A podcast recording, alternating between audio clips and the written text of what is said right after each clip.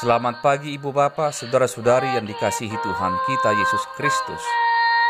Marilah kita mendengarkan firman Tuhan hari ini, Kamis 31 Oktober 2019. Firman Tuhan tertulis dalam kitab Efesus pasal 4 ayat 30. Demikianlah firman Tuhan. Dan janganlah kamu mendukakan roh kudus Allah yang telah memeteraikan kamu menjelang hari penyelamatan. Demikian firman Tuhan. Saudara-saudari, ada dua kategori orang yang mendukakan Roh Kudus. Kategori pertama, seseorang yang sudah menerima segala berkat dan rahmat Tuhan dan menikmatinya setiap hari, tetapi dia sanggup meniadakan dan mengingkari bahwa segala apa yang ada padanya yang diterimanya bukan berasal dari Tuhan. Inilah orang yang buta rohani.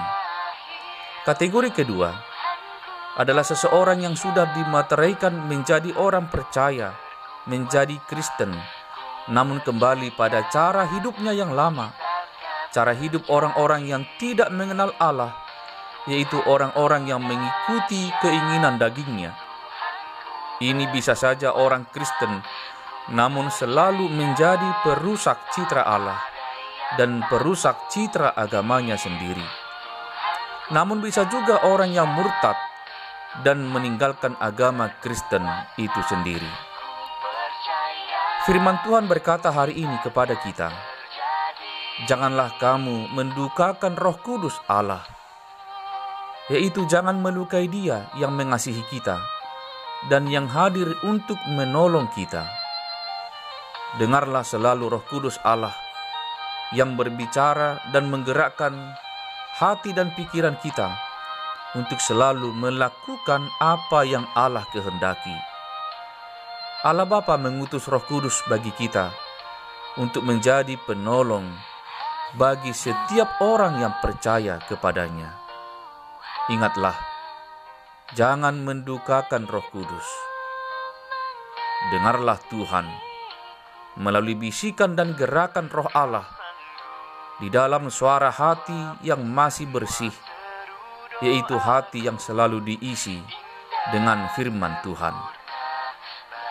Saudara-saudari, hari ini juga bertepatan menjadi hari reformasi, di mana reformator Martin Luther telah mengingatkan dan mengarahkan setiap pelayan dan bapak-bapak gereja pada waktu itu agar kembali kepada kebenaran firman Allah, kembali kepada iman di dalam Yesus Kristus, kembali kepada anugerah Allah yang diterima oleh setiap orang yang percaya.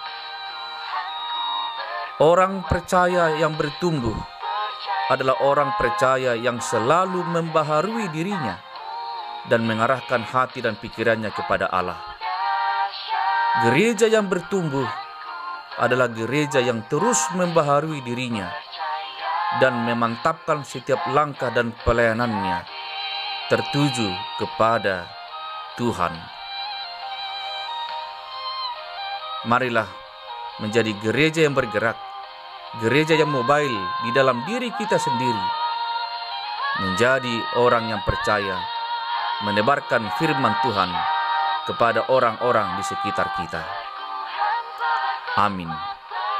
Kita berdoa. Mampukanlah kami ya Allah Bapa kami untuk selalu membaharui diri kami dan mengarahkan hidup kami kepada Tuhan sehingga kami tidak mendukakan Roh Kudus Terima kasih Tuhan. Amin. Saudara-saudari, selamat bekerja, selamat berkarya. Tiada berkat tanpa kerja dan karya. Shalom.